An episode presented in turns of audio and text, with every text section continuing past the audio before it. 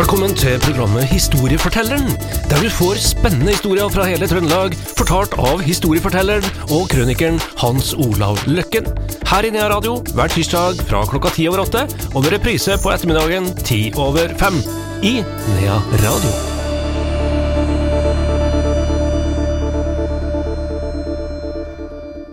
Velkommen til Nea Radios eh, lille historietime. Hans Olav Løkken, velkommen til deg. Eh, vi var i 1948 og flyulykka i Hummelvika. Vi fortsetter i 1948, men vi skal mm, inn på Værnes. Ja. 48 var et eh, merkverdig år.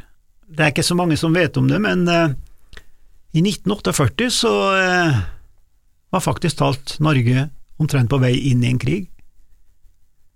Russerne sto på Kola i mengder, i mengder og atter mengder, og skulle kanskje ta Norge. Og det er så ukjent, men det skal vi komme tilbake til, for eh, det er en historie som underbygger akkurat det, som vi ikke skal ta nå. Jeg bare sier det at 48 er det er litt sånn rart at vi tar en to-tre med 48, men det er fordi det var så spesielt år, da. Og da skjer det også noe i lokalmiljøet her i Trøndelag. Det er en bil som kjører nedover en bakke fra ei grend som heter Dubvassgrenda i Lånke kommune, gamle Lånke kommune, som gikk i lag med Stjørdal i 62. da. Så i 48, 11. januar, en vinterdag, så kjører den bilen over, og i bilen så sitter altså lensmannen og presten, som skåret ut av Asbjørnsen og Moe, ikke sant. Ja. Det var jo litt spesielt med det forholdet mellom lensmann og prest, da. Det var jo de to autoriteter i bygda. Men den gangen her var de i lag.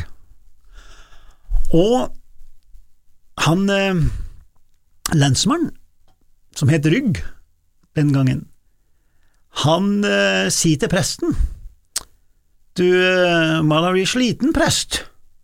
Du har jo holdt eh, høymesse i Værnes kirke, og nå har du vært her og åpna kurbadet. Det var altså et kurbad for eh, alkoholikere, som var på oppe i Dubasgrenda i Lånke, før det havna da ute på Aglo i, i Skatval senere, som fortsatt er bygninger i dag der på Skatval.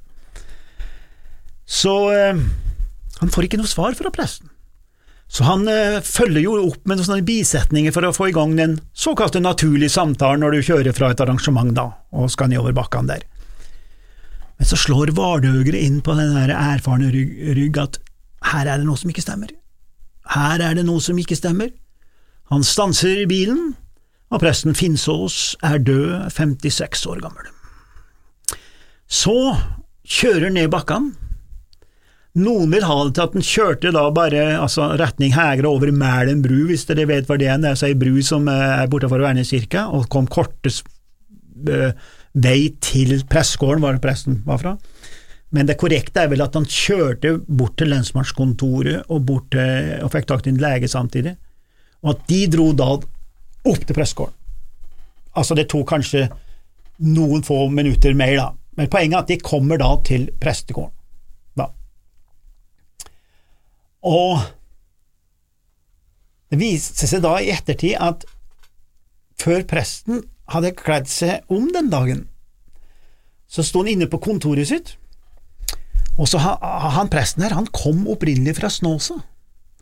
Han hadde, hadde da en mellomstasjon på Skogn, og kom til Stjørdal som prest, det var altså tredje kallet hans, kan du si, og i alle de tre kallene, og i alle de tre jobbene, så var han medlem av tre forskjellige kommunestyrer. Han var en veldig sånn engasjert fyr, han herre presten, eh, Finnsås fra Snåsa. Han eh, var fast bidragsyter i et blad som het Magne, et sånt barneblad som var, omtrent å starte. Han var den første prest i Norge, nei, nå, tar jeg, nå tok jeg litt for mye, nei, første i Trøndelag, som holdt en gudstjeneste over Trøndelag Kringkaster. Andakt. Andakt. Han var en engasjert person, og han hadde kledd seg ganske fint, hatt på seg fin, ny, hvit skjorte. Og Elbjørg, dattera, hun hadde da sagt, og hun er jo det jeg snakka med, hun hadde da liksom gått far sin i møte og tatt omkring ham, altså sagt å, pappa, så, så fin du er i dag.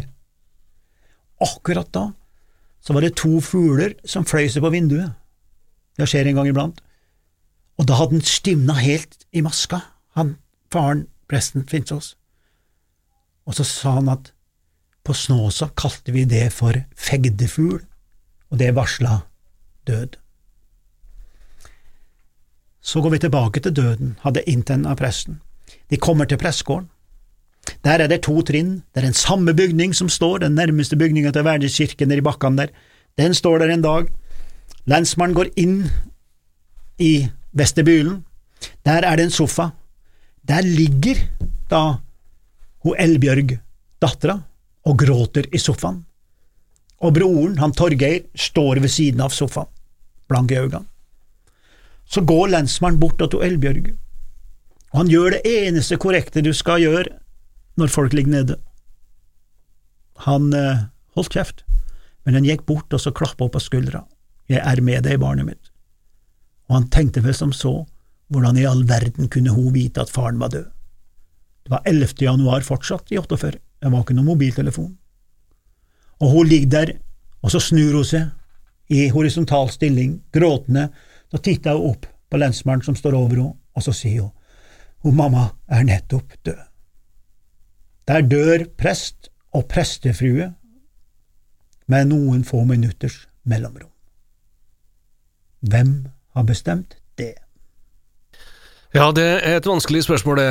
Hans Olav Løkken er vår historieforteller. Nytt eh, program i samme serie neste uke til samme tid.